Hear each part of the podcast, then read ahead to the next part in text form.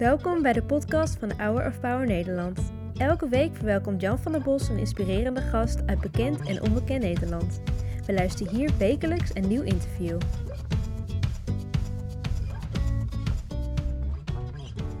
Soms uh, kan die stille nacht, heilige nacht ver van je af liggen. Want uh, je leven kan zo anders lopen.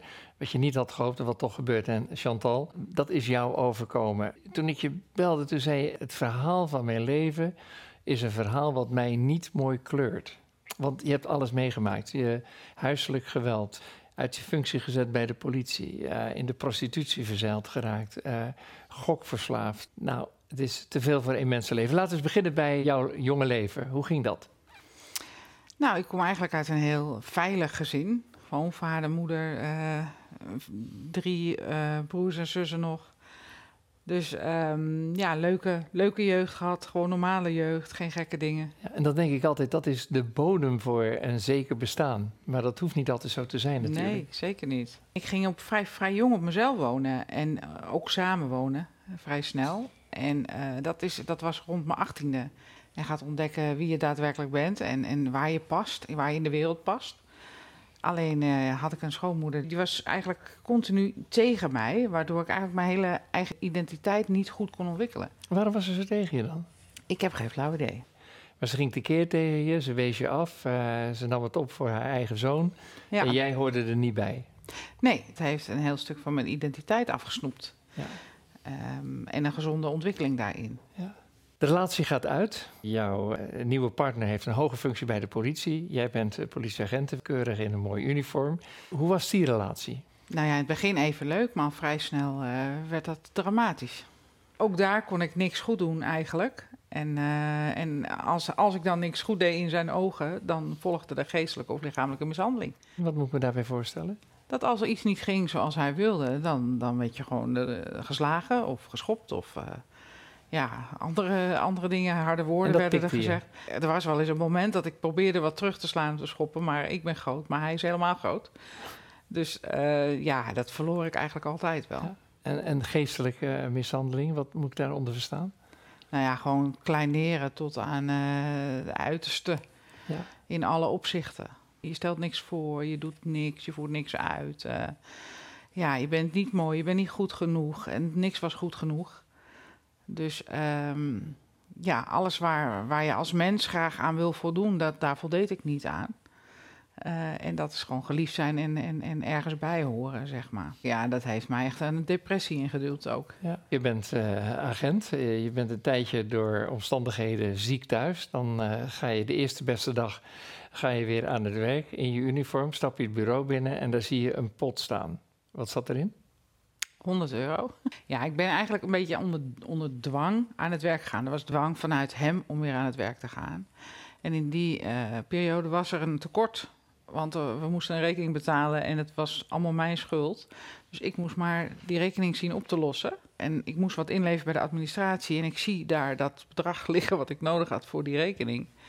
Uh, want hij dreigde met van alles. Dus dat zat in mijn achterhoofd. Dus ik heb eigenlijk ter plekke in een soort vlaag van verstandsverbijstering dat geld gepakt, gestolen en meegenomen. En er hing een camera. En er was een intern onderzoek gaande wat ik niet wist. Dus ik werd eigenlijk meteen uh, gesnapt. Ik, uh, ik baalde als een stekker. Want ik ben, ik, er, was, er volgde ook een vrij zware straf. Niet alleen het, het verlies van je baan.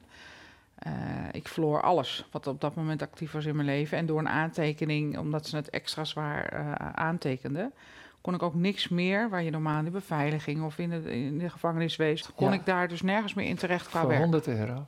Voor 100 euro. Zo. Ja. Ik, ik ben alles kwijtgeraakt. Mijn huis, mijn relatie, godzijdank. Vrienden, collega's, je baan, maar ook je toekomstperspectief. Uh, alles verdwenen in één keer. Um, dat was weliswaar mijn eigen schuld, maar het heeft wel uh, ja, iets enorm. Uh, het, ik viel in een zwart gat daardoor. Dus in, ik vond mezelf niks meer waard. Ik, niks deed er eigenlijk meer toe. Het leven vond ik eigenlijk helemaal niet meer leuk. En uh, zo belandde ik dus in de prostitutie. Ik was van gedachte dat niemand mij wat waard vond in de wereld al. Ik had natuurlijk wel mijn ouders, die altijd als een huis achter me stonden, en mijn broer en mijn zussen. Maar in de wereld was ik niet goed genoeg. Ja. Dat was wat er ingeprent was, jarenlang. Hè, als ik niet mijn emoties kon handelen, dan rende ik naar een gokhal waar ik mijn verstand op nul kon zetten. En uh, ja, daar zat de verslaving in. En ik wist ook niet hoe ik er anders mee om moest gaan. Dus ik, moest, ik had geld nodig. Het enige wat ik kon bedenken was, ik moet maar de prostitutie, dan verkoop ik mezelf maar. Dan krijg ik in ieder geval geld om datgene te doen wat ik zo fijn vond op dat moment. En dat was gokken. Dus je verkocht je lichaam om het vervolgens te vergokken? Ja. Dus je hield niks over? Nee, en dat was een heel uh, donkere wereld waar ik me op dat moment bevond. Het was geen normale wereld waar, eh, waar wij als normale mensen in bewegen, zeg maar. Nee, want als je prostituee bent, dan word je toch eigenlijk misbruikt? Het is toch eigenlijk misbruik? Ja. Ja. Ja, toch? Ja. Heb je er nog de wonden van? Of? Nee, helemaal niet meer. Nee? Nee. Dat is waar God om de hoek kwam kijken voor mij. God heeft me letterlijk eruit geplukt. Vertel. Er was een moment, toen was ik aan het werk en uh, dat was voor mij alle verstand, alle verstand op nul, nergens over nadenken. Het waren handelingen voor mij, dat was het. En uh, er was even een rustmoment en ik zat daar en uit het niets hoorde ik Gods stem. Uit het niets hoorde ik ineens, stop, tot hier en niet verder. Jij hoort hier niet, ga naar huis. En ik dacht echt, wat is dit, zeg ik. Maar ik... Want je zat in dat huis waar ook die andere prostituees Ja, dus, ik zat er ook collega's naast me. ik was echt van, oké, wat is dit? Dus ik negeerde dat ook op dat moment.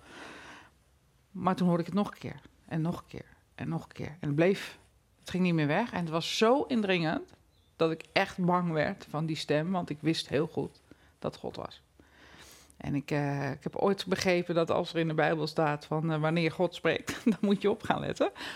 Maar ik ben uh, eigenlijk uit een beetje paniekreactie heb ik mijn spullen gepakt.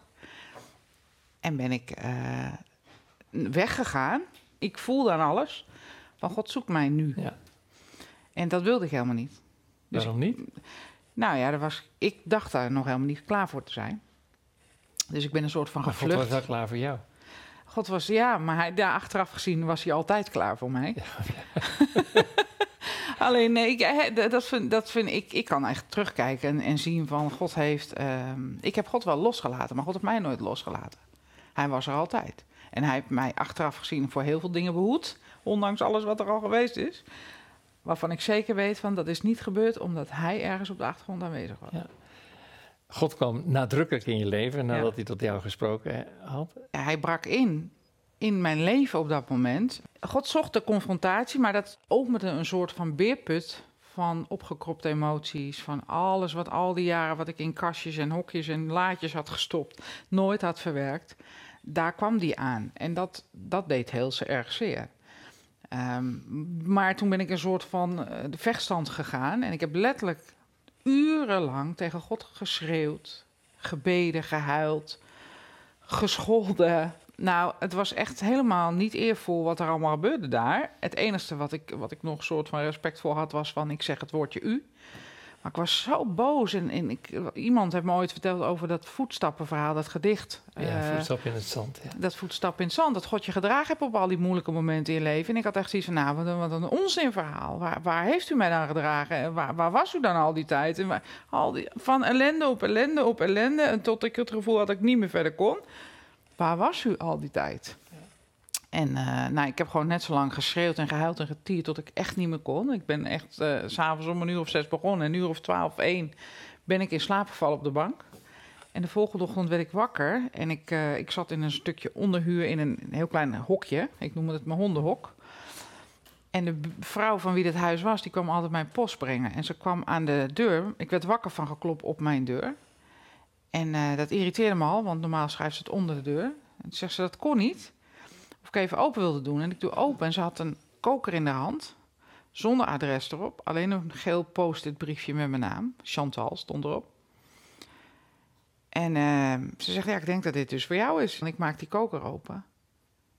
En daar zit het poster in van het voetstapverhaal. En dat vond ik zo bizar, want ik was die avond, wist niemand de avond daarvoor was ik met God aan het worstelen over dat voetstapverhaal. En die ochtend kreeg, kreeg ik die poster. En toen dacht ik, hoe kan dat? Want niemand wist waar ik me op dat moment bevinde, wat, wat ik tussen God en mij had afgespeeld. Waarom die poster en waarom nu, precies nu? Dat vond ik heel bizar. Nou ja, toen werd ik uitgenodigd door mijn moeder, een weekje later. Er was dus niemand in mijn familie. Ik had natuurlijk hier en daar gevraagd. Niemand had het ding gestuurd. Ik had geen flauw idee van wie die kwam. En mijn moeder had me uitgenodigd om mee te gaan naar de kerk. Daar heb ik ja gezegd. Terwijl we bij die kerk waren, toen kwam er een man. En ehm, ja, mijn moeder kende hem wel, dus hij hem ook gedag. En hij keek me aan en zegt, eh, heeft God je nog in zijn armen? En ik had echt zoiets. Nou, wie is die man? Ik ken die helemaal niet. Hij zegt, we praten straks wel verder. Ik, nou, ik heb niks gehoord van die hele preek niet. Ik zat alleen maar aan die man te denken, wat, wat, wat wil die man dan van mij? En toen na de dienst kwam hij bij me en toen ehm, begon hij een gesprekje. En ineens ervoer ik dat ik moest vragen aan hem of hij die post had gestuurd. Maar met mijn eigen verstand dacht ik, ja, wat een rare vraag. Ik ken die helemaal niet, dus dan ga je zo'n stomme vraag stellen. Maar goed, toch maar gevraagd. En toen bleek hij degene te zijn die die post had gestuurd. Ik zeg, ja, maar hoe dan? Je kent me helemaal niet. We ontmoeten elkaar vandaag voor het eerst. Ja, zegt hij, in opdracht van God. Ik zeg, bedoel je?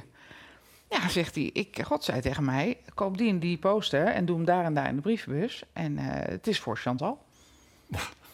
nou, dat was wel het moment dat ik dacht van, nou, God, God wist al, ik besefte van, God wist dit allemaal al. God wist ja. al van tevoren dat dit zou plaatsvinden ja. en um, dat dit zou gaan gebeuren. Dus ik, ik moet maar op zoek gaan naar God en wat hij dan precies van mij wil. En ja, slechter kan het eigenlijk niet.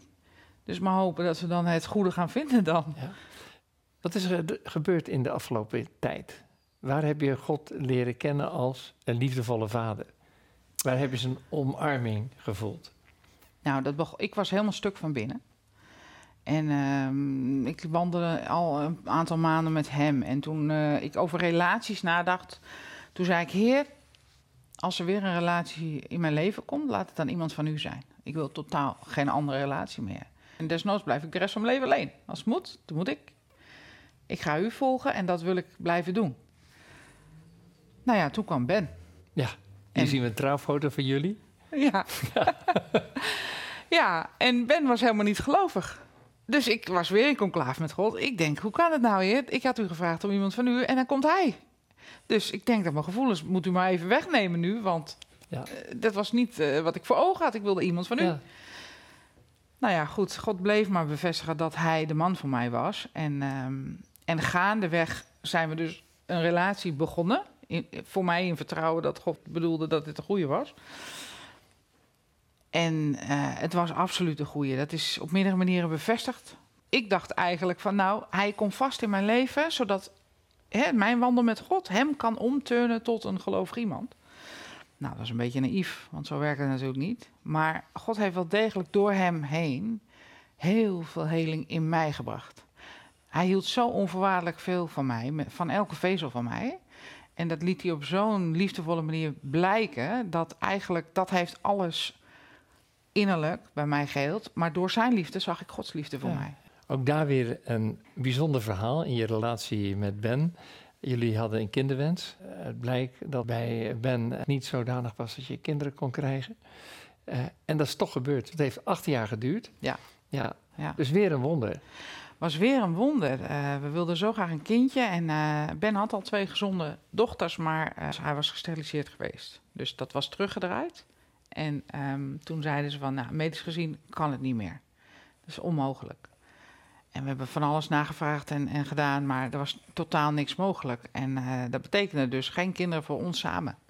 Het is goed gekomen. Het is en goed, jullie ja. hebben een mooie, gezonde dochter. Ja. En uh, ik heb jullie samen hier binnen zien komen als een uh, zeer gelukkig stel. Welke Bijbeltekst is in al die jaren jou houvast geworden? Jeremia 29, vers 11. Ik heb het goede voor je op het oog, even in mijn eigen woorden gezegd. Ja? en niet het slechte. Ik wil je een hoopvolle toekomst geven. Ja. Ik hecht geen waarde aan de wereld, maar ik, mijn identiteit is echt wat. Ja. Ja, wellicht in God. In wie Hij zegt die, die ik ben, wat ik ben. Dit is de kerstmaand. Uh, wat betekent het voor jou dat dat kind in de stal geboren is, maar ook van de kribbe naar het kruis gegaan is? Ja, ik kan daar heel ontroerd van raken als je daarover nadenkt als ik dan denk aan mijn wandel en al mijn fouten en al mijn falen en al mijn verkeerde keuzes en ja, gewoon alle fouten, er zijn er behoorlijk wat die ik heb gemaakt in mijn leven. Hij hield van mij. Hij keek niet naar mijn omstandigheden. Hij keek niet naar mijn fouten en falen. Hij keek niet naar waar ik vandaan kwam. Hij keek waar ik naartoe ging. En daar wandelde hij met me mee. En God wil gewoon ons hart. En als we dat aan hem geven, dan, dan, dan wil je niet weten wat voor wereld er open gaat. En wat voor liefde er over je uitgestort wordt. Dus dat liefde, dat is er. En dat is er voor iedereen. Onvoorwaardelijk. Nooit meer terug. Nooit meer terug. Nou, dat is mooi om daar eh, mee eh, afscheid te nemen. Dankjewel, Chantal. En ook voor eh, ja, je bemoediging dat voor God niets te groot, te erg te, Nee. is. Maar dat hij hier eh, is in de business om mensen te redden. Ik geef je drie of vier zelfs kerstgeschenken mee. Nou, je bent geliefd. Nou, die is heel mooi, ja. Amen. Prachtig. Vrede op aarde. Nou, dat Zeg heb ik je ook. amen? Ja, Ja. alsjeblieft. Love, peace, joy. Dat is nu wat jouw leven kenmerkt. Ja, Ja. zeker. Oké. Mooie spreuk. Ja. En let the light of Christmas fill your heart. Nou, dat is mijn kerstwens voor jou en voor Ben en voor je dochter.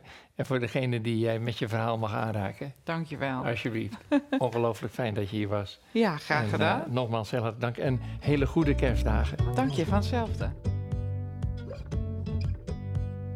Bedankt voor het luisteren naar het interview van deze week. We hopen dat dit verhaal jou heeft bemoedigd. Wil je meer weten over Hour of Power of andere interviews bekijken? Ga dan naar www.hourofpower.nl.